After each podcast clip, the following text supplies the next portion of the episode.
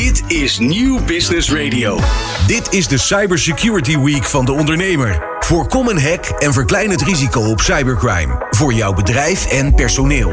Weet wat de grootste bedreigingen zijn en leer van experts tijdens Cybersecurity Week. Elke werkdag live tussen 12 en 2 op Nieuw Business Radio.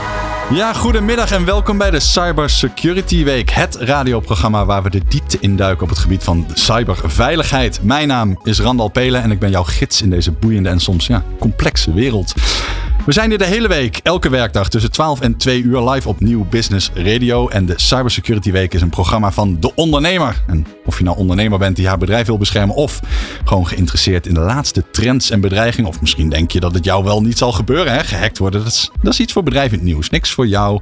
Nee, we hebben deze week een geweldige line-up van experts, boeiende discussies en de laatste nieuwtjes om je helemaal up-to-date te houden. Denk bijvoorbeeld aan namen als Erwin Sprengers van uh, KPN Security, die is daar Chief Technology Officer of Cindy Wubbe, CISO voor Visma. Denk aan Norbert Bakker, specialist aansprakelijkheid bij Higher Level. Een heleboel leuke gasten deze week. En een rijk gevuld programma dus. En um, als een, uh, het programma is zowel een verdiepingsslag op tal van onderwerpen als ja, gewoon een, globale kijk op de gang van zaken in de cybersecurity wereld. Ik heb elke dag een co-host. We hebben elke dag een hackdemo. We ontkrachten hardnekkige fabels en we vragen dagelijks om jouw mening. Dus je kunt elke dag op LinkedIn, de site van de ondernemer, een poll vinden die je in kan vullen. En um, we zijn zoals je gewend bent ook terug te kijken op YouTube. Dus als je later binnenkomt vallen of er snel vandoor moet, dat zou jammer zijn. Maar niet getreurd, het programma van deze week is in zijn geheel later terug te kijken en te luisteren. Vandaag staat in het teken van een introductie tot cybersecurity. Dus ik ga vooral met jullie stilstaan bij wat cybersecurity nou eigenlijk is. Met uh, Oscar Kouro, die is CISO bij het ministerie van uh, VWS. Dus uh, dat is een hele leuke gast alvast. En waarom die veiligheid belangrijk is voor het MKB met Daan Keuper van Computest en DIVD. Laten we beginnen. Dit is de Cybersecurity Week van de ondernemer. Voorkom een hack en verklein het risico op cybercrime. Voor jouw bedrijf en je personeel. Weet wat de grootste bedreigingen zijn en leer van experts tijdens de Cybersecurity Week. Elke werkdag live tussen 12 en 2 op Nieuw Business Radio. Met Randal Pelen. Maar nu eerst, ik zit naast Jonathan van Noord. En als je vaker naar de ondernemer live luistert, dan heb je Jonathan wel eens gehoord. Jij uh, presenteert daar elke dinsdagmiddag van 11 tot 1 voor de ondernemer. Dus ik zit een klein beetje op jouw stoel vandaag. Nou, best wel op jouw stoel vandaag, mag ik wel zeggen. Kun jij vertellen wat we deze week van plan zijn? Ja, nou ja, sowieso vijf keer twee uur lang radio maken over cyberveiligheid. Hoe krijg je dat in godsnaam nou spannend? Nou, Randal, ik kan je vertellen dat wij Dat weten de luisteraars en de kijkers niet. Wij hebben intensief samengewerkt en we hebben denk ik een schitterend programma uh, neergezet. Het is, uh, we gaan eigenlijk van een introductie in cybercrime, cyberveiligheid, gaan we uh, de week doornemen. het wordt steeds een stukje intensiever en uiteindelijk eindigen met de trends in de toekomst. Wat kun je eigenlijk nog verwachten, bijvoorbeeld van AI? zodat je ja, aan het eind van de week ben je helemaal, helemaal veilig en, en up-to-date. Dat hopen we althans. Klinkt goed, ik heb daar zin in. Waarom is dit voor MKB'ers belangrijk, denk je? Nou, ik heb hier uh, uh, heel veel telefoongesprekken over gevoerd met ondernemers en met uh, bedrijven die in deze business zitten. En ik vergeleek het eigenlijk wel met een ander onderwerp wat wij al een paar keer voorbij hebben laten komen op de ondernemer, of, tijdens de ondernemer live. En dat is bijvoorbeeld verzuim, een burn-out bij mm. je personeel. Nou, dat is eigenlijk iets, daar, daar ga je pas over nadenken als jouw sales manager thuis komt te zitten. En ja. dan denk je, ah shit, ik had hier eigenlijk wel uh, maatregelen voor moeten nemen. Ik denk dat dat eigenlijk ook wel lijkt op bijvoorbeeld dat je gehackt bent. Je denkt dat overkomt mij niet. Dat ziet er toch allemaal fantastisch uit. Totdat het je wel overkomt. En dan is de schade vaak nog groter dan je misschien in eerste instantie denkt. Nou, wij merken bij de ondernemer als we in gesprek zijn dat dat nog niet heel erg leeft. Heel erg is het idee van ja, dat is, gebeurt toch bij de KNVB, een grote organisatie, bij de ING bijvoorbeeld. Mm -hmm. Maar ja, ik ben met twee auto, uh, uh, autodealers, dat valt toch wel mee. Of ik heb een sportzaak. Wat valt er bij mij nou te halen? Nou ja, ik hoop dat we dat gaan ontkrachten deze week. Daar uh, hebben we uitgebreid de gelegenheid toe. En ik vind het ook wel herkenbaar wat je zegt. Want verzuim, dat gebeurt uiteindelijk iedereen. Iedereen wordt een keer ziek. iedereen kan onder een bus komen. Maar Als je zegt, ik word gehackt, uh, er is een uh, gijzeling aan de gang, een ransomware aanval, dan ja, verwacht je dat ze dat vooral doen bij bedrijven die heel interessant zijn. Maar we gaan je vandaag uh, en, en de rest van de week ook laten horen dat dat soort aanvallen steeds schaalbaarder worden. En ja, zolang het een kat-en-muisspel is tussen de grote bedrijven en de grote boze hackers, dat ja, ook steeds meer kleinere bedrijfjes die de cybersecurity niet goed op orde hebben, steeds vaker slachtoffer worden. Dat is gewoon een trend die we zien. Um, ik kan me voorstellen, als je MKB'er bent en je zit te luisteren of ondernemer op uh, welke manier dan ook. En je denkt, dit is een ver van mijn bedshow, maar ik wil me wel laten informeren. Dan hebben we een hele leuke week voor je in petto. Jonathan, kun jij een klein uh, tipje van de sluier oplichten wat we allemaal van plan zijn? Nou ja, wat ik sowieso al leuk vind is, het gaat hier over hacken, veiligheid, cybercrime. We hebben daadwerkelijk hackers aan mhm. tafel en uh, in, de, in de show. Dat vind ik eigenlijk al, uh, al super tof dat dat gelukt is. Je denkt misschien dat dat ergens zich in Rusland afspeelt of in, noem eens in een andere, andere boevenstaat. Maar nee, dat gebeurt gewoon hier. en die jongens die, die hebben we aan tafel. Dan hebben we het wel over zogeheten ethische hackers. Dus dat mhm. zijn mensen die, met een, die niet voor eigen gewin jouw, jouw website helemaal, helemaal checken. Die hebben we iedere, iedere dag hebben we een item met ethische hacker en ontwikkelaar Anne-Jan Brouwer. Die komt uh, dus uh, vijf keer per week. Komt dus iedere dag komt hij terug. En dan laat hij zien eigenlijk waar hele eenvoudige ingangetjes zitten in jouw bedrijfswebsite. Hoe hij aan jouw klantgegevens kan komen. Hoe die jouw database kan uitpluizen. Dus dat vind ik echt wel een hele leuk. Ook nog, uh, maar daar gaan we het morgen over hebben. Een bedrijf dat daadwerkelijk gehackt is. Want we kunnen het wel heel erg hebben over uh, de gevaren en wat je eraan kan doen. Maar eigenlijk hoor je, en dat vind ik ook een rol voor, uh, voor ons platform, de ondernemer. Om dat toch ook wel veel meer te bieden. om ondernemers die slachtoffer zijn van een hack, om die een podium te bieden. Want heel vaak eh, gaat dat gepaard met schaamte, met domheid. Hoe kon ik zo stom zijn dat ik op die phishing mail heb geklikt? Ik wou net zeggen, ja, het, het voelt als een heel erg technische en abstracte uh, gang van zaken. Je wordt gehackt, er is uh, iets buitgemaakt of je wordt gegijzeld. Maar het heeft ook wel impact. Ja, dat, dat, en het is ook heel erg mensenwerk. Uh, ja, vergelijk het met de. Uh, als, als iemand bij jou op kantoor binnenkomt en die, die ken je niet, dan denk je van mm -hmm. wie is die vogel? Maar eigenlijk moet je ook zo gaan denken als het gaat om bijvoorbeeld een, een, een phishing mail met, met, met, een, met een linkje erin wat je niet vertrouwt. Ja, zolang jij daar wel op blijft klikken, ja, dat, dat is puur mensenwerk. Phishing blijft altijd een mooie voorbeeld, hè? maar we hebben morgen ook iemand van Third Risk. Dat is een bedrijf dat checkt de hele waardeketen. Die doet dus eigenlijk eigenlijk audits niet zozeer bij jouw bedrijf, want dat is heel belangrijk en daar gaan we het vandaag uitgebreid over hebben. Maar ook je leveranciers, je klanten, alle andere bedrijven om je heen. Zolang die hun veiligheid niet goed op orde hebben, is de kans dat iemand een ingang vindt bij jou. Of dat je iemand aan de lijn krijgt die je wel degelijk vertrouwt, maar die zelf ook wat te verliezen heeft. Ja, eh, nog steeds aanwezig.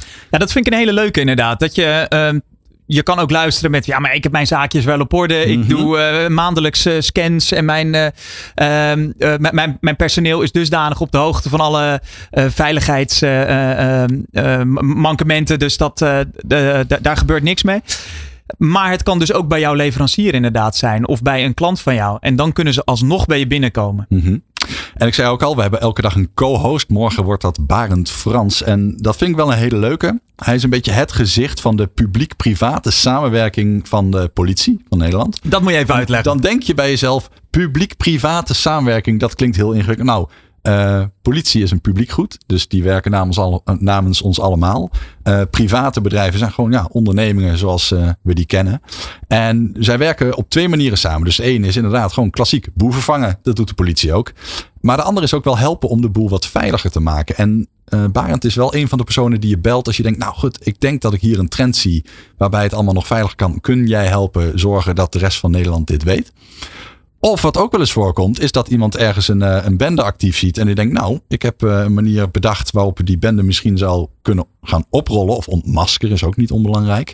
En dan is hij ook degene die erbij haalt. Dus uh, daar heb ik al wel heel veel zin in. En ik ben ook benieuwd wat hij te vertellen heeft over ja, de laatste ontwikkelingen en trends die we zien gebeuren. Want ik denk gelijk aan bitcoins. En ik denk inderdaad, net als jij, aan Russische hackers. Er is een boel aan de hand de laatste tijd. Zeker weten. En dan zijn we pas op de dinsdag, hè? Moet je nagaan. Heel woensdag ligt nog aan onze voeten. Um, we hebben mensen over de vloer die iets vertellen over de best practices. Hè? Dus heel laaghangend fruit. Wat kan ik nou zelf als ondernemer doen? om de boel wat beter te beveiligen. En dan gaan we echt wel verder dan alleen zet je uh, twee-factor authenticatie aan en uh, doe nou in hemelsnaam je updates. Nee, uh, we gaan ook echt kijken naar um, ja, waar alle ondernemers baat bij zouden kunnen hebben. En Threadstone komt langs. Ja, dat vind ik zelf ook wel een hele leuke. Er zijn dus tal van bedrijven, en dat zijn vaak nog MKB-bedrijven, en die sturen bijvoorbeeld een nep-phishing mail. Hmm. Um, want het, het ergste wat je kan, uh, kan overkomen zo ongeveer is dat dus een medewerker op die link klikt en uh, alle systemen worden platgelegd. Maar dat kan je voorkomen. Dat je kan je personeel daarop attenderen door bijvoorbeeld uh, met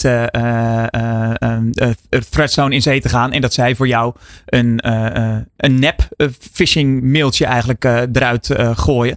Maar eigenlijk wat, wat ik wel interessant vind is dat die hele dag staat een beetje in teken ook van hoe je je personeel meekrijgt. Ja. Want je kan het als ondernemer, als baas, als CEO, hoe je jezelf ook wil noemen, kan je het nog wel allemaal willen. Maar het gaat erom, wat ik net al zei, het blijft mensenwerk. Als jouw uh, personeel het niet top of mind vindt hebben, dat zij wel bij jou in de zaak omkijken als een onguur type uh, uh, als die binnenkomt lopen. Maar als dat op de digitale manier gebeurt en ze kijken niet om. Voelt ja, anders hè? Dat voelt anders. Dus uh, uh, ja, daar gaan we het eigenlijk op die woensdag over hebben. Het klinkt ook heel cynisch, hè? je personeel testen om te kijken of zij wel veilig zijn. Je noemt nu al een aantal keer dat voorbeeld van zo'n mailtje met een link waar je niet op moet klikken. En ik vind dat ook wel leuk. Dat ligt dus ook best wel genuanceerd. Je hebt dus ook verhalen, daarbij komt een eigenlijk net mailtje binnen. Maar dan heeft iemand heel erg diep onder de motorkap gekregen. En die ziet van, hé, hey, we hebben hier DNS-records waarin staat dat het van dat en dat bedrijf afkomstig is. En dat is toch wel een legitiem mailtje. En dan blijkt dat eigenlijk degene die die tests uitvoeren ook door de mand vallen. Omdat het mailtje in, tussen aanhalingstekens echt was. Dit is een konijnenhol. Dat is heel diep. En daar kunnen we nog volop induiken. Uh, gaan we ook zeker doen. We hebben die dag ook een co-host van KPN Security. Dat vind ik zelf wel heel vet. Erwin Sprengers. Hij is daar Chief Technology Officer. En dat is nogal een titel chief van alle technologie van KPN Security. Ja, dat is een hele grote jongen die we, die, die, we binnen hebben gehaald. En daar ligt de focus die dag op hybride werken. Juist. Um, als we toch maar weer de vergelijking moeten doen dat je mee kan kijken met het personeel of het nou goed gaat. Dat gaat een stuk makkelijker als je vijf dagen in de week op kantoor zit. Spreek je elkaar nog eens even erop aan, jongens. Let erop. Dat is een stuk lastiger als iedereen thuis werkt. Als mensen vanaf, mm vanuit een koffiezaakje lekker even uh, de, de, middag uh, werken op een onbeveiligd netwerk. Noem het maar op. Hoe beveilig je je daar tegen? Dat is de vraag die dan centraal staat. En dat is ironisch. Hè? KPN is juist het bedrijf waar je aan denkt bij mobiliteit. Dus overal kunnen werken. Nou, donderdag. Cindy Webbe, Visma, de evolutie van dreigingen. Wat is er allemaal gaande uh, op het gebied van de ontwikkelingen? Want het blijft een kat-en-muisspel.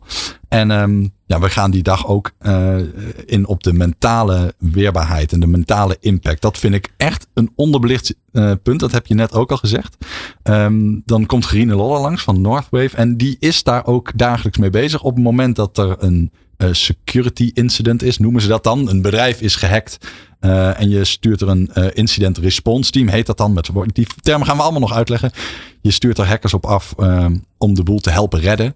dan gaat er soms ook iemand mee die juist naar de mentale kant van de zaak gaat kijken. Je zou bijna kunnen zeggen een soort van slachtofferhulp.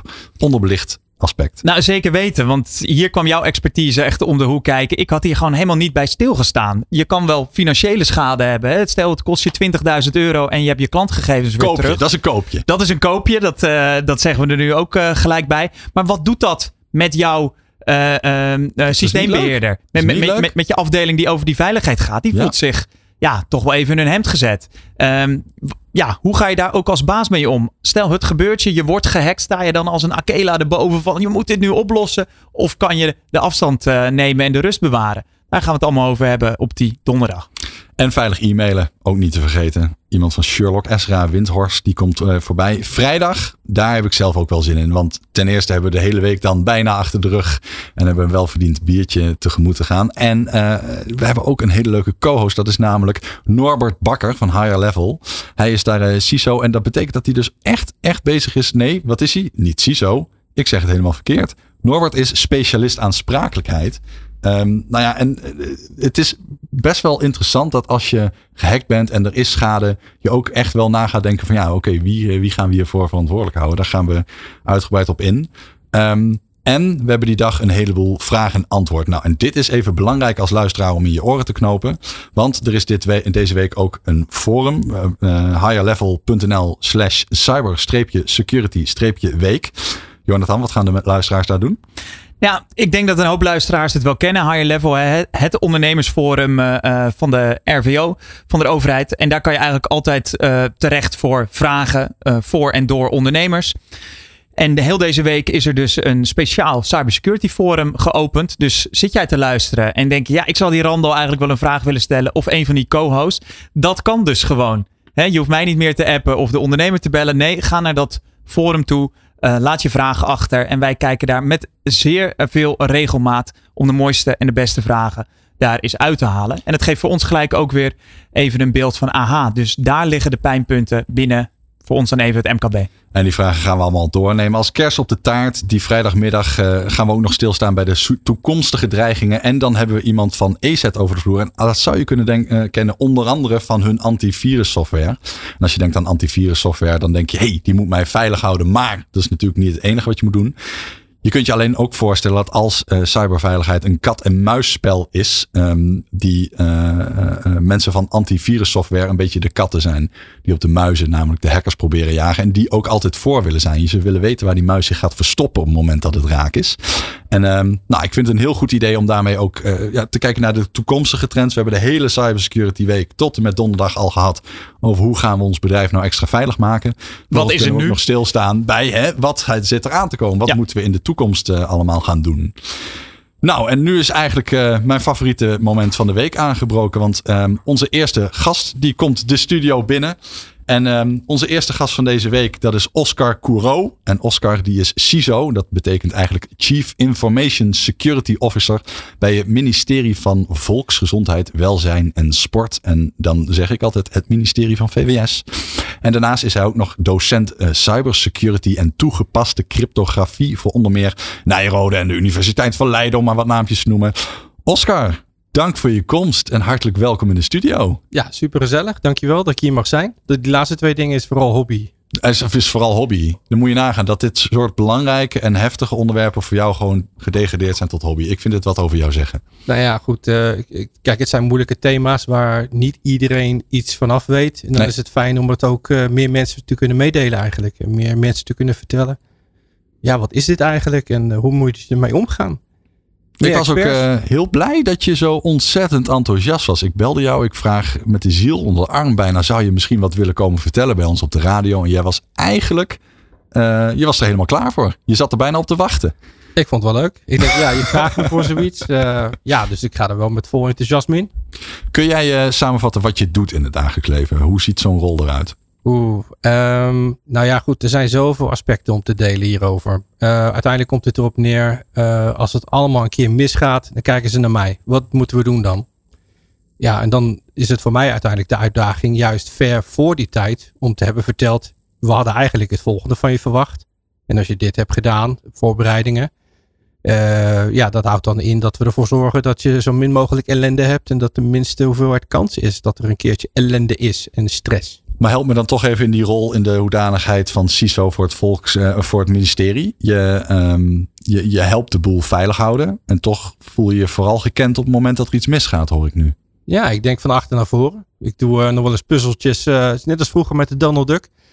ik hou wel af en toe eens van cheaten als het even kan. Even een beetje misbruik maken van de situatie. En wellicht heb je het wel eens ontdekt, maar een doolhofje, als je die van achter naar voren doet in de Donald Duck, dat gaat sneller dan dat je het, zeg maar, de moeilijke weg doet. Ja, ja, ja, ja. Ja, je moet wel slim spelen. Jij bent dat slimste jongetje van de klas. Nou, dat niet. Ik ben gewoon bij de hand. dus dat is, dat is de grap. Dus je, je kan grote aanvallers, zeer complexe situaties. Als je net even weet, wat moet je nou doen en waar moet je nou beginnen. En daarom vind ik het zo leuk om hier te mogen zijn. Als we daar nou ietsje meer kunnen vertellen aan elkaar, wat kun je nou eigenlijk wel doen? Wat zijn de mogelijkheden om van die grote aanvallers het toch taai en moeilijk te maken? Dat vind ik mijn uitdaging. Hoe zorg ik ervoor dat ik heel veel mensen die niks weten van cybersecurity, die weten niks van al dit hele thema, toch de juiste kruimeltjes mee te geven van doe nou dit, doe het nou op deze manier. Ja, dat beleid, moeilijk woord alweer, lastige termen. Maar die procedure, waarom deed je dat nou ook weer? Waarom moest dat altijd, altijd via die inkoopprocedure op deze manier gebeuren en al die stapjes met die experts ertussen? Ja, dat is allemaal aan het eind om geen crisis te hebben, om niet die grote hackers in jouw huis te hebben. We gaan de week eh, aftrappen met het uh, eerste fabeltje, want we zijn op weg naar het Fabelfeest. Oeh. De ondernemer presenteert de Cybersecurity Week op Nieuw Business Radio. Oké, okay, laten we beginnen met het eerste fabeltje van de week. Ik ben niet interessant genoeg voor cybercriminelen. Oscar, ik denk dat ik dit vaker hoor. Misschien jij ook wel. Ja, wel vaker. Nou, niet alleen maar vaak, uh, te vaak eigenlijk. Eigenlijk is het andersom, hè? De, de crimineel of iemand anders, die heeft bedacht: wat ben jij nou waard? Hmm. En die gaat rekenen. Dus uh, ja, er komen steeds meer economen uh, die niet voor de normale wereld werken, maar voor de meer donkere kant van deze wereld. En die economen die beginnen te bekijken, goh, wat is dit bedrijf waard? Wat zou het nou eigenlijk kunnen vragen als ik die nou zou kunnen binnendringen, als ik het ze nou moeilijk maak? Dus die beginnen heel bedrijfseconomisch ineens je jaarverslag te lezen. Want ja, misschien heb je hem wel gepubliceerd in het Engels en anders vertalen ze het wel. Dus die gaan bekijken, wat is jouw bedrijf nou waard? En dan gaan ze daar uiteindelijk vragen over stellen. Of beginnen ze interessant te vinden. Goh, kunnen we daar inderdaad binnendringen, ja of nee? Of nog mooier, wellicht is er een ander clubje. Die is van de afdeling binnendringen. Die maakt er een lijstje van. En dan kun jij op de zwarte markt kun je enigszins gaan pitchen. De van, goh, afdeling binnendringen, dit klinkt als een bedrijf met meerdere afdelingen. Nou ja, de criminaliteit is ook gaan organiseren over de tijd heen. Dat doen wij. Maar uh, de tegenstanders doen het net zo goed. Ja, dat georganiseerde is... misdaad heeft eigenlijk uh, ja, een nieuwe naam gekregen. je bent... Nou ja, georganiseerde misdaad. Ik geloof dat je het vertelt. Je, je zegt het, alleen nu zeg ik even ook digitaal. Georganiseerd uh, onderstreept mm -hmm. de misdaad. Het is uiteindelijk een misdaadsorganisatie die meerdere afdelingen kent. Mm -hmm. Zelfs een HR-afdeling kent.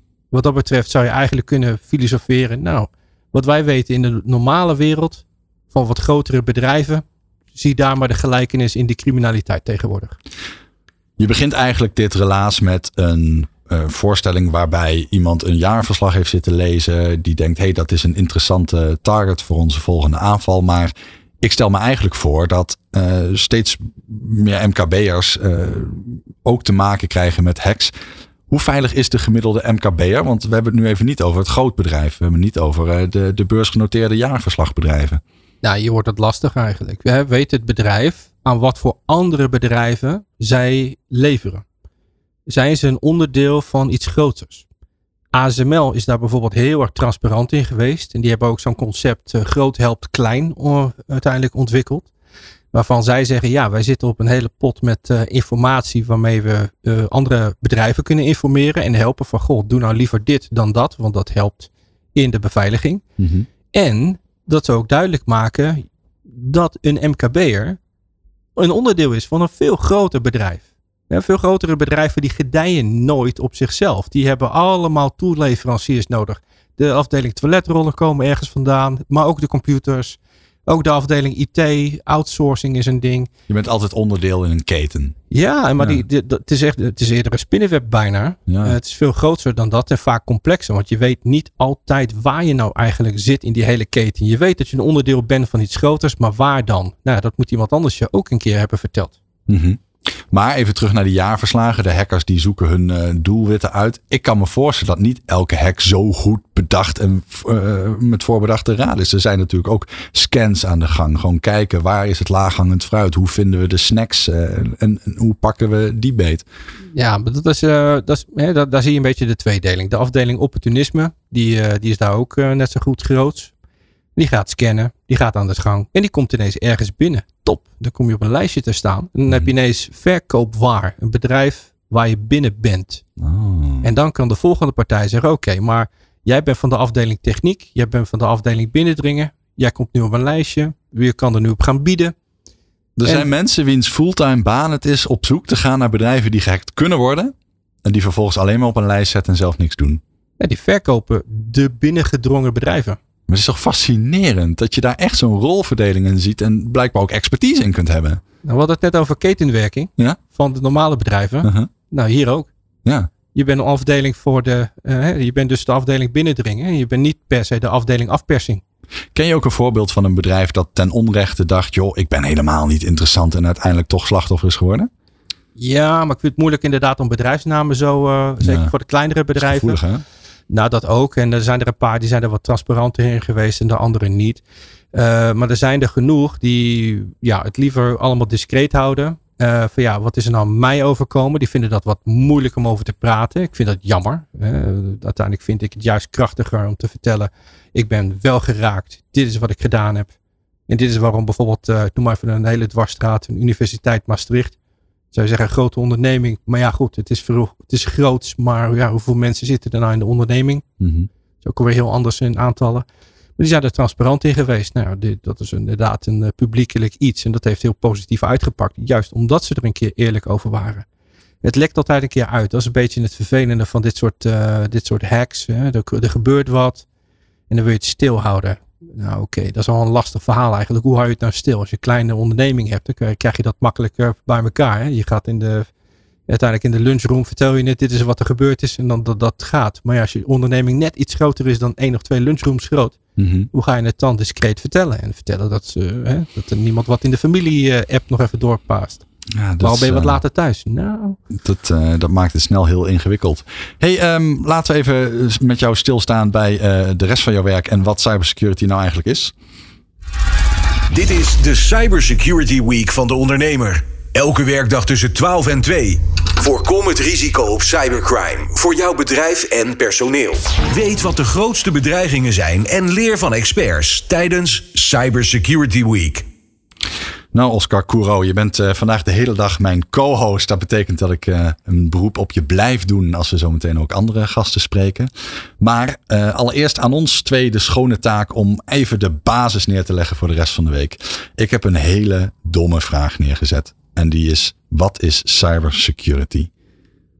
ja, uiteindelijk komt het toch weer op een aantal van die basisstukjes uit. Van wat kan ik nou eigenlijk doen om ervoor te zorgen dat iemand eh, ja, niet in de problemen komt. Dat je onderneming gewoon lekker door blijft draaien. Daar gaat het uiteindelijk om. Het is eigenlijk net zoiets als wat is veiligheid? Als je vraagt wat is veiligheid, dan is het de deur op slot doen en eh, eh, overvallers buiten houden. Maar het ja, is ook eh, je, hebben airbags in de auto. Het, het gaat heel ver. Precies, maar de, de, de vraag is ook een beetje, als je het gaat vergelijken met fysieke beveiliging, want dat, dat, die analoge mag je best wel trekken. Mhm. En dat is waarom heb ik nou eigenlijk een slot op de deur? Waarom heb ik nou een iets groter slot op de deur? Waarom is er een dikkere deur hier geplaatst dan ergens anders? Hmm. Er zijn allemaal motivaties voor om inderdaad te kiezen voor nou iets meer maatregelen dan dat ik misschien thuis heb.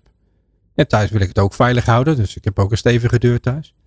Maar ik heb niet een eh, zwakke deur waarvan ik denk, nou, twee trappen en hij is binnen. En ik heb ook geen slot eh, erop zitten om, eh, waar, waar- waarvan je makkelijk met een beetje rommelen is dat ding open. Je hebt het eigenlijk al over een soort risico-inschatting nu. Hoe groot is de kans dat iemand tot mij gemunt heeft? Exact. En dat is eigenlijk ook het grote verhaal bij, eh, bij eh, cybersecurity. Het is net als met de fysieke beveiliging. Waarom heb ik een bepaalde deur nodig? Waarom heb ik dat slot nodig? Waarom heb ik een dikker slot nodig?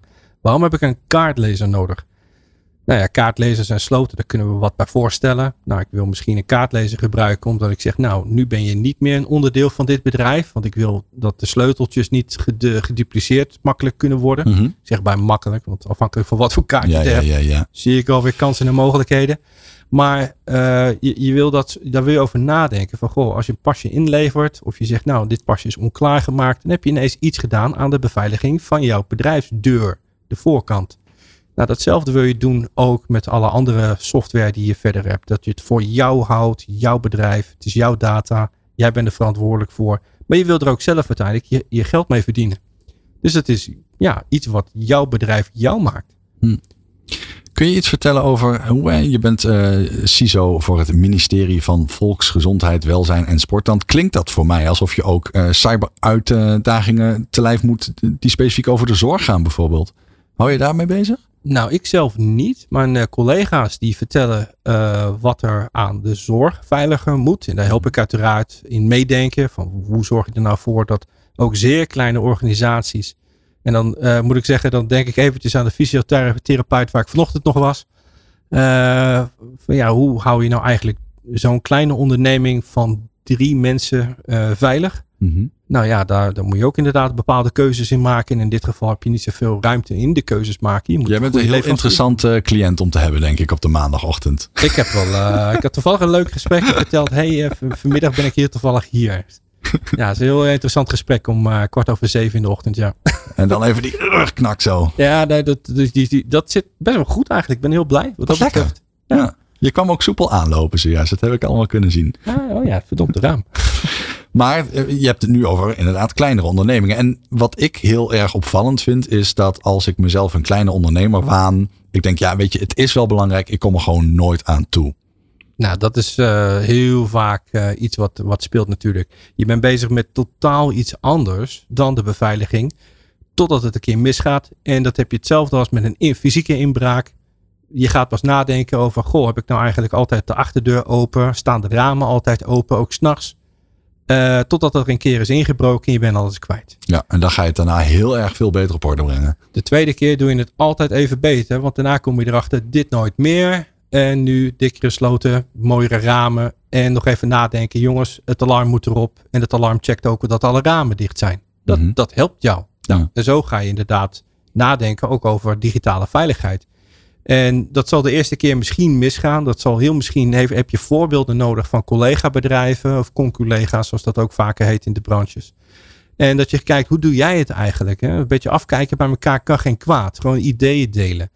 En dan zal je waarschijnlijk erop uit gaan komen dat het betekent, kies de juiste digitale partners die je nodig hebt. IT-bedrijven die je inhuurt, die niet alleen maar uiteindelijk een standaard product leveren, maar die ook nog een beetje na kunnen denken over jouw casus en dat het past bij jouw onderneming, hoe jij wil werken. Mm Dat is ook heel erg belangrijk, want ja, je hebt niet uh, het kapitaal om die tools helemaal naar je hand te zetten. Sommige van die tools kan dat wel, kan goedkoop en kostefficiënt, maar dat gaat niet altijd. Dus je hebt een aantal van die basismaatregelen heb je nog steeds gewoon nodig. Dus wat houdt het in? En ik moet zeggen, of je nou een kleine onderneming bent of een heel ministerie, mm uiteindelijk blijft één simpele regel uh, ook weer gelijk. Ik heb heel veel collega's die hebben geen kaas gegeten van cybersecurity. Is niet erg, maar de vraag is wat vertel ik hun? Wat ik hun vertel is zorg voor de volgende simpele regeltjes. Uh, en dat zijn de standaard dingen. Zorg ervoor voor de applicatie als je dat aan gaat schaffen dat er multifactor authentication in zit. Die twee-traps verificatiestappen. Zo'n sms'je dat je krijgt of een app die je moet openen waar zo'n cijfercode in staat. Nou, dat is een mooie inderdaad dat je erop instapt inderdaad met het woord uh, of de afkorting sms. natuurlijk wat oudere technologie. Mocht je nou iets nieuws kopen, in ieder geval zou ik niet de, de variant met sms direct uh, bovenaan het lijstje zetten. Nou, SMS is een uh, uh, in, in volledig open protocol. Het is ontstaan in de jaren, wat is het, jaren 80, 90. Mm -hmm. toen is het heel groot geworden. SMS is natuurlijk helemaal booming business geweest. Eind jaren 90, als ik me niet vergis. al die andere variaties die kwamen later pas. Maar het is niet versleuteld. Dus partijen die ertussen zitten, en ik vertrouw mijn eigen telecomproviders hier in Nederland wel, vanwege alle regelgeving die erop zit. Maar ik ga een keer op vakantie. Ik ben een keer in Spanje dan heeft dat sms'je ook uiteindelijk een reis gemaakt door allerlei landen en verschillende regelgevingen heen om bij mij aan te komen. Ja, is dat verstandig? Nou ja, uh, dat kan misschien niet zo'n hoog risico zijn. Laten we wel wezen, het brengt je wel de extra veiligheidslaag. Maar het kan beter tegenwoordig. Maar hier gaan we al gelijk. Uh, dit vind ik heel leuk wat hier gebeurt. We gaan per ongeluk de diepte in. Kijk, twee-factor authenticatie gaat er dus eigenlijk over dat je twee dingen hebt. Dus één ding dat je weet, dat is je eigen wachtwoord. En één ding dat je hebt, dat is die code die je net hebt ontvangen. Alleen de hackers zouden in normale omstandigheden alleen je wachtwoord hoeven weten als jij dat niet op die manier beveiligd hebt. Dan ben je toch echt wel heel veel makkelijker doelwit. Het feit dat ik nu al op een sms'je extra leun, maakt me toch al ver voorbij de competitie uh, moeilijker te hacken, lijkt mij. Ja, je komt echt wel in een, in een, in een, uh, in een uh, slag hoger uit. het wordt echt wel complexer. Hè? er zijn wel wat voorbeelden inmiddels dat ook sms-centrales niet in Nederland, maar ergens in het buitenland gehackt zijn. En dat het een effect heeft gehad in Europese landen. Ja, dat kan Heel ik me voorstellen. Ja. Nou, dat is alles gebeurd. Dus, uh, primair is dat dan in de bankenwezen. Dan zie je alweer gelijk, oh, in de bankenwezen, dat is misschien niet voor het MKB direct super relevant als dreiging. Dus hoe erg is sms dan? Nee, maar iedereen heeft wel een bank. En iedereen wil ook wel heel erg graag dat die niet gehackt wordt. En dat alles wat zij daar doen ook veilig is. Ja, en tegenwoordig zie je verdacht weinig sms meer vanuit het bankenwezen als tweede factor authenticatie. Dan zie je die appjes naar boven komen. ja. Nederlandse partijen die zie je nauwelijks meer met de sms op dat vlak. Eh. Ik denk dan eerder aan inloggen bij social media inderdaad. Ja, dat gebeurt nog. En dat, of dat het je derde optie is, zeg maar. Ik heb meerdere opties. Ik heb zo'n USB-sleuteltje. Ik heb een, uh, de code variant. En ik heb nog uh, een andere variant. Via de e-mail heb je natuurlijk nog wel een reset uh, faciliteit. Ja. Nou ja. Maar sorry, jij was bezig met je lijstje. De eerste op de lijst is uh, twee-factor authenticatie. Ja, want het is zo makkelijk uh, om, bij, zeker wanneer je een nieuw systeem neemt, uh, of je gaat het systeem uitbreiden, om dat tegenwoordig aan te zetten. Heel wat van die uh, applicatiemakers en toeleveranciers, die hebben het gewoon al aan boord, of je moet het aanzetten. En als je het niet aanzet, dan krijg je het probleem. Ik heb alleen maar mijn gebru gebruikersnaam en wachtwoord. Nou ja, en als je een wat grotere onderneming bent, dan zou je het misschien eerder hebben gemerkt, zeg ik even bij. Met nadruk op gemerkt. Je moet iets kunnen waarnemen en zien dat je gehackt wordt. Uh, een aantal ondernemingen hebben al meegemaakt. Die gebruikersnaam en wachtwoord is al lang gelekt. Er wordt al misbruik van gemaakt. En alleen de tweede factor authenticatie is nog uiteindelijk uh, nog hetgene waar het op hangt. Dat die ja, persoon of die tegenstander niet binnen is. Dus wat dat betreft zou ik stellen, zeker met grotere en kleinere ondernemingen, maakt niet uit dit is wel echt wel een basic die je enorm ver brengt. Het is eigenlijk tussen neus en lippen door de eerste tip van de week alvast. Ga er nou eens vanuit en ga er eens bij zitten wat er dan zou gebeuren. Dat iemand anders jouw wachtwoord weet. Hoe, hoe, hoe zou je dan nog veilig zijn? Nou, als je denkt, ja, dan val ik ter plekke door de mand. En dan zit iemand uh, in heel mijn leven, digitaal. Ja, dan moet je het achter de oren gaan krabben. Als je denkt, ja, maar hoor eens even. Dan heb ik die sms'jes nog. Dan kun je niet overal bij, want ik heb overal andere wachtwoorden. En dat is je conclusie. Nou, dan heb je aan deze week... Uh, uh, nou, dan, ben je een streepje voor op de, op, op, de meerderheid, denk ik. Ja, en als ik me dan weer wederom even verplaats in de wat kleinere IT-omgevingen. dan heb je altijd nog wel applicaties die je al lang hebt draaien. Dat kan je niet zomaar in één keer uitbouwen met uh, twee-factor authenticatie. Oei, ja. oei, wat doe je daarmee? Nou, dan is uiteindelijk de tip: gebruik dan een VPN-faciliteit. Uh, in dit geval heb je dan een versleutelde verbinding naar het bedrijf toe of naar je infrastructuur, naar de IT-leverancier ergens. En daarachter heb je dan je eigen omgeving verstopt die niet verder beveiligd kan worden. Dit geeft ook inderdaad wel een slag, want dat betekent dat een aanvaller, die komt dan inderdaad, uh, die scant jouw omgeving, die ziet dan die VPN-service. Ja, dan moeten ze daar doorheen breken voordat ze dan bij die onveiligere applicaties terecht Maar Oscar, help me even, want we hebben het nu specifiek over diensten die niet bij jou in kantoor draaien. Je hebt het over een website waar je bij kan, een applicatie die je kunt openen. Maar wat nou als die server daarvan gewoon lekker in de bezemkast staat? Nou ja, extra reden om dus inderdaad een extra stapje ertussen te zetten. Een stapje ertussen? Ja, dus die Mijn laptop staat hier. Dan gaat de kabel naar de meterkast. Daar komt toch niemand tussen? Oh, op die fiets. Sorry. Uh, als je bedoelt binnen het pand, mm -hmm. dan zou ik zeggen, faciliteer dat lekker direct. Dat gaat best wel oké. Okay. De kans dat daar iemand tussen zit is vrij klein. Ja, het kan gebeuren. Maar ik moet even rekening houden met, uh, met hoe je dat allemaal zou moeten gaan doen. Uh, te veel tovertrucken. Dat gaat wel oké okay van hier naar de beterkast. Maar stel, ik wil thuiswerken. En jouw laptop is nu niet hier en in de buurt van de meterkast. Ah, shit. Maar hij gaat naar nee, buiten. Zolang is die kabel niet. Zolang is die kabel niet om helemaal naar huis te gaan. We hebben hele lange kabels tegenwoordig, maar het houdt een keer op. um, een stukje verderop stond nog wat kabel uh, die je kon lenen wellicht. Ja. Um, maar dat, dat, dat houdt een keer op. En, en dan wil je dus inderdaad via het internet bij die computer in de bezemkast. Ja, en dan krijg je dus al snel die stap een VPN voor dat mm -hmm. bedrijf dat houdt echt heel veel tegen. En ja, dat want... de enige manier om dan binnen je netwerk, in je kantoor, noem het maar even virtueel, in je kantooromgeving te komen, is dan via die VPN-server. Ja, want de, de keerzijde of het tegenovergestelde daarvan zou zijn, ik heb die server wel in de meterkast staan, maar het is wel handig dat ik erbij kan op vakantie. Het is handig dat ik erbij kan vanuit huis. Het is handig dat al mijn collega's er ook bij kunnen. En ja, soms helpt mijn vrouw een beetje met de administratie. Het is ook wel goed dat die dat lukt. Je zet die server gewoon wagenwijd open op internet. Waarom niet? Dan kan iedereen erbij. Ik weet het gebruiken, ik weet de gebruiksnaam wachtwoord, de rest niet. Ik heb two-factor authentication prima op orde. Die server kan best op internet, geen enkel probleem. Nou ja, dan krijg je wel de volgende uitdaging, zeg maar. Dat is dan even voor de aanvallers. Je gaat, het, uh, je gaat ineens ontdekken. hey, er staat een server hier online. Mm. Dat is leuk. Mm. Dus de criminelen of iemand anders zouden inderdaad kunnen, kan, kunnen porren. En dan kijken, wat kan ik hier nou mee doen? En hoe doen ze dat?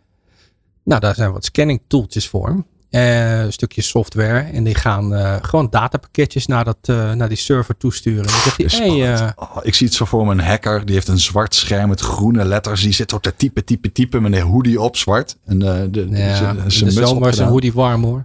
Maar goed, soms, soms heb je ook alleen maar gewoon zwarte t-shirts aan. Ehm, Lekker scannen op het internet in ieder geval. scannen op het internet en dat is op zich weinig mis mee. Hè. Het scannen op het internet, dat kan nog wel prima. Je kan, eh er, er wordt wetenschap over gedaan, er wordt statistiek over gedraaid. Meerdere partijen doen dat. Maar ja, goed en kwaad scant dus wat er is. Mhm. Komt er ineens achter, oeh, ik zie wat jij hebt, wat leuk. Daarna gaan we even een stapje dieper. Dan gaat de scan ineens een fase dieper. En die zegt, maar wat voor software is dat? Ja. En daarna is de volgende vraag natuurlijk. Je Is voelt hem die aankomen. up-to-date? Welke versie heb jij? En uiteindelijk zijn er lijstjes. En iemand houdt het tegen een lijstje aan die zegt: Deze is nog niet up-to-date. Ah, ja. Ik weet welk gat hierin zit. Ik weet hoe kwetsbaar jij bent. Want ik zie welke kwetsbaar jij, kwetsbaarheid jij nog niet hebt opgelost. Daar kan ik misbruik van maken. En dat was dan nog tot daaraan toe geweest als je tip 2 van Oscar Courot had opgevolgd en had gezegd: Ik heb lekker alleen maar VPN-toegang. Ja, want dan sta je wel de VPN alleen maar tegenaan te boksen. En dat lukt dan niet. Ik snap Want je ziet die server niet meer, want die zit daarachter. Je kan hem niet scannen. Het enige wat je scant aan de buitenkant is een VPN-server. En uiteindelijk, ja, ja, allerlei bedrijven hebben een e-mail-server. Dus dat, eh, je hebt altijd wel iets in een website. Maar dan is de exposure e-mail, VPN en je website. Nou, dat is lekker weinig. Ja. Doe het daarmee. Hou het daarbij ook. Dat noemen ze ook wel eens de attack service, toch? De oppervlakte, de hoeveelheid plekken waarop je eh, überhaupt kunt porren.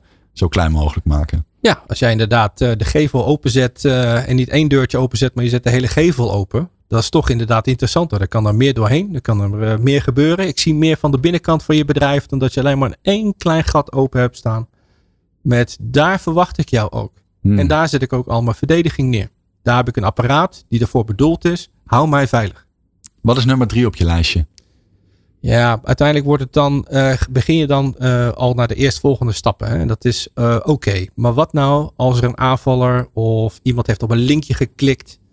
En dan moet je toch iets gaan doen met die beveiliging van ik heb op het linkje geklikt. Ja, maar help mee, want dit is al nu al een paar keer geroepen. Je klikt op dat linkje. Ja, mooi hè? Ja, wat, wat houdt dat in? Waarom zou, want ik vind op linkjes klikken iets wat ik de hele dag door doe. Ik ben de hele dag met Ja. linkjes aan het klikken. Waarom moet ik voortaan van die linkjes afblijven, Oscar? Ik zou bijna zeggen, we moeten er ook niet al te veel mee stoppen. Hè? We moeten de maatregelen nemen dat dat allemaal geen probleem is. Dus stel je eh, drukt op zo'n zo'n linkje. Dan kan er ineens een stukje programma naar jou toe komen. Of, nog mooier, eh, je muis gaat over het e-mailtje heen. En dan begint er al ineens wat code te draaien. En die is niet van jou. Hoe dan? Nou, als wij hele mooie websites willen maken. En dan schuivende paneeltjes in een website. Dat heet JavaScript. JavaScript. Dit heb ik wel eens gehoord. Ja, en met de JavaScript plus nog heel veel andere stapjes kunnen we steeds verder meer doen op jouw computer terwijl je alleen maar het mailtje bekijkt. Meer niet. Je opent de mail, je kijkt op een website, dat is al genoeg. Op het moment dat je daar al bent, je kijkt op die website, ik zie het al. Nou, dan kan je dus ergens op een linkje gaan klikken en dan begint er ineens iets te gebeuren. Je browser of je e-mailprogramma, wat ook in principe een halve browser zo'n beetje in zich heeft die gaat dan ineens actief wat dingetjes doen. Want ja, jij wilde dat. Jij drukt op het knopje. Nou, en dan kunnen er steeds meer stapjes gebeuren. Als je systeem kwetsbaar is ergens voor, haalt hij heel snel wat data naar binnen. Het, het, een virus, laten we het maar even zo even eh, in gemakkelijke termen behouden. Trekt de virus naar binnen en dan gaat hij proberen om dat actief te maken. En als dat lukt, misschien was je systeem dus nog niet helemaal up-to-date. Dan begint er ineens iets te starten en te lopen. Wat jij niet helemaal gepland had. Ja, maar wacht even, dit vind ik heel interessant. Want ik zie een soort tweetrapsraket namelijk. Je hebt het erover dat in de browser, elke website waar je kunt komen in wezen, draait JavaScript. Dus bijna geen website met helemaal geen JavaScript. Dat is echt wat bijna alle websites eh, überhaupt doet functioneren. Maar A, je hebt al een heel kleine versie van die site eigenlijk in je mail. De mail zelf bevat al een soort van kleine website. Daar kan al een kwetsbaarheid zitten. Ja. En je klikt op dat linkje, dan stel ik me twee dingen voor. Vroeger, klassiek was dat een bijlage. Een .exe of een screensaver die je graag wilde draaien. En die, die, die maakte de boel kapot. Of wat jij nu eigenlijk aan het schetsen bent, is je lokt iemand naar een website die echt kwaadwillend is. En als je dan je security niet op orde hebt, open je een website waar allerlei rottigheid is. Dat, het is een beetje een lokdoos eigenlijk. Ja, maar een aanvaller of een crimineel is soms ook gewoon lui. Dus die zegt, waarom moet ik jou naar een website leiden als ik je gewoon in het mailtje jou een website geef? Maar waarom moet ik nou niet op het linkje klikken? Nou, je merkt dat als je, als je op het linkje eh, klikt, dan krijgt de aanvaller meer mogelijkheden om meer dingetjes te starten, iets te downloaden. Het is een soort Dus, download. dus ik ga niet op een linkje klikken en ik kom op een website die kwaadwillend is. Maar gewoon het feit dat ik heb geklikt, doet iets triggeren in dat JavaScript wat die computer uit gaat voeren. bijvoorbeeld. Maar het kan nog makkelijker. Want stel nou dat ik het linkje klik en het is bijvoorbeeld iets wat jouw computer automatisch opent. En Windows die heeft daar wel wat beschermingen op tegenwoordig. Eh, Mac idem dito, Linux ook. Al die variaties die hebben wel wat beschermingen. Maar er zijn toch nog wel een heel standaard out of the box. Als je geen configuratie hebt meegegeven aan je Windows machine. hè, het is niet beheerd misschien. eh, dan kan je nog steeds hebben dat een heel aantal van dit soort kleine scriptjes, dingetjes, toeltjes, programmaatjes wanneer ze gedownload worden, dan zegt Windows, oh, zal ik je helpen? Ik start hem gelijk even voor je. Oh ja. Papa. Ja. Nou, dan ben je al als aanvaller ben je al iets aan het doen. Ja, je bent Nou. al iets aan het activeren. Dan start hij iets. Dit we een virus, toch? Of een Trojaans paard misschien? nou ja, Trojaanse paard is in dit geval dan een heel mooi e-mailtje waarvan jij denkt, ik ga hem niet direct weggooien. Mhm. En dan druk je op de downloadlink, want dat is het dan. Hè? Het is geen klikje naar een website. Dit is dan Mhm. een downloadlink voor, eh, voor een aanvaller. En als die dan automatisch start, hoppa, aanvaller wint. Althans, de aanvaller wint. Hij heeft zijn eerste stapje gezet binnen je toestel. Hij heeft hem nog niet helemaal overgenomen, maar hij is, nog wel, hij is daar wel actief geworden. Dat kan. Maar ik zeg er wel even bij, ik, weer- terwijl ik het eh, aan het filosoferen was, twee weken terug was er iets dat heet een kwetsbaarheid. Eh, er zijn allemaal codes voor, voor registraties van welke kwetsbaarheden dat zijn. En dat zat in een eh softwarebibliotheek voor WebP. Nou, wat is WebP? Eh, Wat is WebP? Misschien kennen we het nog niet, maar er bestaat ook zoiets als PNG en JPG. Dit zijn JPEG, plaatjes. plaatjes. Google dacht een tij- tijdje terug, weet je wat? PNG, JPEG, JPG, dat kan mooier, dat kan beter, dat kan slimmer. Wij gaan WebP introduceren. Ook weer plaatjes dus. WebP van plaatje in dit geval. To- Toevallig past die in de Webplaatjes. Ja, Webplaatjes. In Amerika waarschijnlijk een ander woord voor maar eh, webplaatjes. Maar er zat dus een kwetsbaarheid in dat als je hem alleen al ziet, je opent hem, je wil een plaatje zien op een website. Nou, hoeveel websites hebben we zonder plaatjes? Dat komt ook niet meer voor sinds de jaren 90. Nul. Nul. Zit altijd wel ergens een plaatje in. Maar wat nou als de kwetsbaarheid in het plaatje verstopt zit? Dat ding start, er zit een kwetsbaarheid in en die zegt, joh, onder deze rare voorwaarden word ik ineens actief door alleen maar naar een plaatje te kijken. Dan Dat gaat is je niks computer iets uitvoeren puur doordat je het plaatje hebt geopend. Ja. Daar heb je nog niet eens op een linkje geklikt. Dan heb je niet eens op een linkje geklikt. Ja, game over Oscar. Ik geef het op. Laat maar. Ja, dit noemen ze ook wel een drive-by hack. Oh, er zijn vele variaties om dat uit te leggen, maar vooral drive-by. Je komt er alleen al langs en hoppakee, het kan al gebeuren. Ik ga de, thuis de internetstekker uit mijn computer trekken hoor. Ik ben nergens meer veilig. Ja, exact. Maar dit is de reden om eh, snel inderdaad eh, voor zowel Apple als voor, ik geloof dat ook in Microsoft Teams zat. Eh, het zat ook in eh, Edge browser, Chrome browser. Er zijn heel veel browsers die hebben dat, eh, of on- eh, elementen die dus iets met web doen. en plaatjes laten zien. Die hebben aangegeven, oh, ik maak heel toevallig gebruik van dat stukje software die kwetsbaar is. Om die WebP-plaatjes te laten zien. Mhm. Je moet heel snel updaten. Dus er is een oplossing en dat is zo snel mogelijk updaten. En dat is waarschijnlijk de eerstvolgende tip. Zorg ervoor dat je niet te ver achter blijft lopen. Het is jouw eh, lijstje, Oscar Kuro. Ik heb één, wat was het ook alweer? Twee-factor authenticatie. Koop of gebruik alleen software die dat ondersteunt. Twee is eh, gebruik in hemelsnaam een VPN. Want je wil net doen alsof je in het pand bent. En daar ben je veilig. Dan heb je in ieder geval een extra laag van... eh, ja, een extra horde opgeworpen voor de, de hackers. Voor de, toe, voor de toelichting, hè? in dit geval is de VPN naar je bedrijf toe. Het is niet dat je het vanaf jezelf doet om eventueel eh, media content eh, vanuit andere landen te kunnen consumeren. Hè? Eh, dat is ook iets mijn mensen doen. bedrijf Ja, ja, ja, daar zijn op heel veel video's die ik kijk reclames voor bepaalde VPN-providers. En die zeggen eigenlijk, ja, je bent bij ons veilig, maar dat is meer alsof het je tweede internetprovider is. Ja, Ja, dat dat, is niet dat is een andere rol. De Goed bedoeling is hè, van hoe kom ik nou veilig mijn bedrijfspand weer in? Want jij wilde naar die be bezemkast. Ja, mijn vriendin die heeft een hele mooie thuiswerkplek. En als zij daar werk wil doen, dan moet ze per definitie in dat VPN. Hè? Dit bedrijf heeft het dus relatief goed op orde. Maar ik moet wel zeggen, het duurt lang, het is traag en soms ligt het eruit. Eh, de mensen op de vloer hebben er soms een hekel aan. Ja, nou ik merk wel hoe groter de organisatie is, hoe sneller het eh, ongemakkelijk wordt. Dat ineens Hmm. een paar gebruikers het onmogelijk maken voor de rest. Dat, dat, dat die verhoudingen er niet lekker in zitten. Ik zou zeggen hoe kleiner. Ja, je kan, het, je kan uiteindelijk een maximale bandbreedte. Hè? Er is maar zoveel data die door die ene buis heen gaat. Of wat je Mm, besteld oh, hebt, manier. Ja, ja, je trekt de pijp vol. Ja, En als die vol je. zit, Ja. is die vol. Dus dan eh, kunnen de andere gebruikers er niet doorheen. En als je had bedacht, normaal gesproken kunnen we er met z'n 200 er doorheen. Ja, dan heb je een paar eh, streamers, downloaders, verzin het maar. Ah, maar dat is ook niet zo erg, want als ik op kantoor zit, dan zet ik gewoon die Excel-sheets even op een USB-stick. En dan ben ik thuis, hoef ik dat VPN niet op, kan ik gewoon mijn werk doen. Ja, die truc eh, ken ik, eh, zie ik nog wel eens langskomen. Dat is ook niet al te, al te handig. Maar laten we even teruggaan naar die, Ja, naar die updates. sorry. Dus, dus We wat, waar we net zaten, pakken we zo inderdaad eventjes je... Ik neem een bestandje mee. Blij dat jij scherp bent, Oscar. Nou ja, ik, ik doe met je mee. maar die updates, eh, dus het voorbeeldje van die, die webpage. Ja, je merkte net, hè, van ja, maar jij zei net game over, heel hard. Mhm. Mijn hemel, het is over. Nee, ik denk dan, ho, ho, ho. Er is een oplossing op komst. Als er geen oplossing aan gaat komen, dan moet je er even over nadenken of je deze software nog wat langer in gebruik wil houden. En mijn browser, ja, die heb ik nodig. Die heb ik echt nodig. Ik ook. Ik blijf er ook inderdaad flink mee doorgaan. In zo'n periode van tijd dat ik de update nog niet heb geïnstalleerd. Ga ik raar genoeg toch iets vaker naar de bekende websites. Ja, dus, eh, nou, mooi voorbeeld. eh, Nu.nl. Dat neem ik toch net even iets eerder dan een andere website. Of zit het maar. Of de andere bekende nieuwssite. NOS.nl, RTL Nieuws. Al die al- andere, andere variaties. De Eh, ondernemer.nl. de ondernemer.nl. Ja, Ja, fantastisch. kijk, dat zijn sites die ik vertrouw. Daar ga ik naartoe. Die gebruik ik. Of mijn eigen bedrijfswebsites. Top. Maar ik ga niet ineens random surfen over het hele internet heen. En alle linkjes van alle nieuwssites Mhm. volgen. Want dan wordt het wel heel taai. Hè? Dan hou je het niet meer, eh, niet meer schoon. Eh, soms krijg je namelijk het plaatjesvoorbeeld. Ja, ik heb ook op alle websites zie ik nog wel eens reclame. Waar komt die reclame toch vandaan? Nou ja, dat is een heel verhaal op zich waar de reclame echt vandaan komt. Mhm. Maar daar zitten ook inderdaad heel veel partijen nog tussen en onderaannemers voor die website om die plaatjes op die plek te krijgen.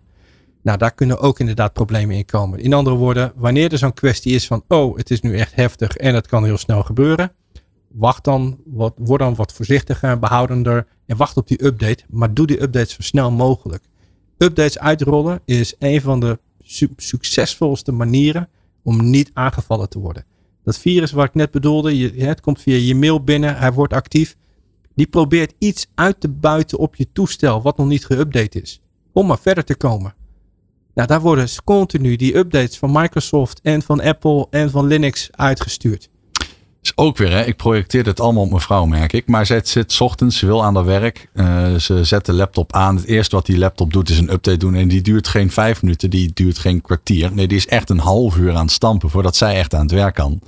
Dit is toch vreselijk irritant ook af en toe. Dat is wel een hele langzame laptop. Maar goed, dat is een andere kwestie Dat ook. is zeker een andere kwestie. Maar ik ben het met je eens. Nee, Ik zou ja, toch wel inderdaad aanvragen van goh, hè, effectief werken betekent ook wel goede apparatuur hebben. Eh, en dat telt hier ook in mee. Ehm, maar ja, het, is wel het echt waard. Wil je inderdaad je onderneming goed veilig houden en voor jezelf houden, updates tellen enorm op tot een succesfactor met gewoon lekker door blijven draaien.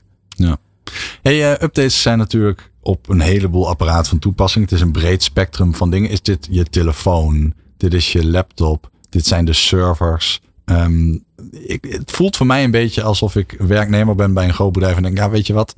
Laat die, eh, laat die IT-afdeling dit maar regelen. Waarom val je mij hiermee lastig? Nou, dat is wat er vaak bij eh, IT-afdelingen ook gebeurt. En dit is ook de reden eh, waarom je van die managed toestellen hebt. Managed toestellen hebt. Ja, dat is wel weer inderdaad een term waar ik viel er zelf ook over toen ik het uitsprak. Is wanneer de IT-afdeling een bepaalde controle heeft op jouw bedrijfstoestel. Met nadruk op bedrijfstoestel. Ja. Het is niet de bedoeling om aan de privékant inderdaad... nog- Kan nog- ook gebeuren. Andere tak van sport. Ja, zou ik mm, altijd een beetje voorzichtig mee zijn met dat soort mengingen. Maar anders moet ik twee toestellen in mijn broekzak hebben. Dat vindt toch ook niemand leuk? Nee, laat ik heel toevallig een slecht voorbeeld zijn en echt twee laptops in mijn rugtas hebben. Hmm. Maar, eh, maar goed, en twee telefoontoestellen. Opschepper. Ja, jij, jij vraagt. Nee, maar het is wel... ehm, ik heb ja, het wel. eh, het bedrijf geeft een bepaalde mate van controle over dat toestel dan. Ja, Ja, maar dat, dan kunnen ze ook de controle en de verantwoordelijkheid naar zich toe nemen. Hè? Ja. Naar de IT-afdeling. Precies. Dus de IT-afdeling kan dan zeggen: nee, die update moet nu even. Want wij hebben wel in het nieuws gelezen. Want onze job is om wel dat soort dingetjes bij te houden. Mhm. En te weten hoeveel risico je gaat lopen.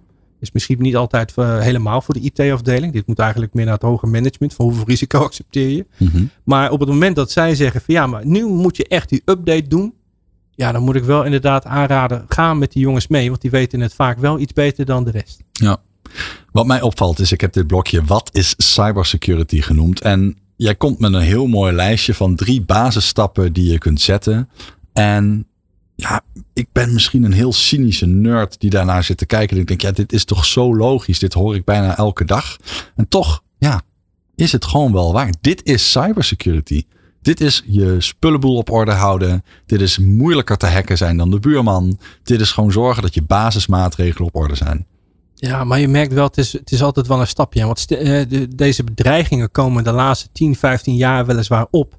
Maar er zijn zat ondernemingen die ouder zijn dan 15 jaar, 20 jaar. En die hebben nog spullenboel staan van daarvoor. Of iets wat 10 jaar terug is neergezet. Uh, of 5 jaar. En dat werkt nog prima. Mm uh, wil je dan multifactor authenticatie? Hè? Wil je die twee-traps verificatie introduceren? Nou, misschien is die applicatie er helemaal niet voor bedacht. Nee. Dan moet je er wel even over nadenken eigenlijk. Van wil ik het dan wel direct aan het internet hangen? Want we wilden zo graag thuiswerken. Want thuiswerken was ook ineens een dingetje. Ik uh, kom wel eens bedrijven tegen die hebben gewoon uh, applicaties nog keurig netjes in MS-DOS draaien. En uh, nou, wellicht dat de hackers dan ook denken, poeh, dat is een tijdje terug. in dit geval criminelen zouden dan zeggen, ik weet niet hoe ik dat moet uitbuiten. En de good guy, ethische hackers, die zullen dan uiteindelijk denken, gaaf, dat is, ach, dat is uiteindelijk historisch uh, onderwerp uh, zoeken, zeg maar. Mm -hmm. Je hebt dus uiteindelijk een stukje mooie oude legacy software staan. sommige van die software is heel slecht uit te buiten voor criminelen. En dat is eigenlijk ook wel weer grappig. Ja. Er zijn een hoop criminelen die zijn vergeten hoe MS-DOS werkt. Ja, dat kan ik wel. Is dit een hint inderdaad om op MS-DOS te blijven hangen? Nou ja, nee, want het gaat ook makkelijker stuk. er is ook zoiets als continuïteit uh, van het bedrijf tegenwoordig. En dan zit je ook af te vragen, die harddisken die gaan ook eens een keer stuk. Ben je daar tegen gewapend?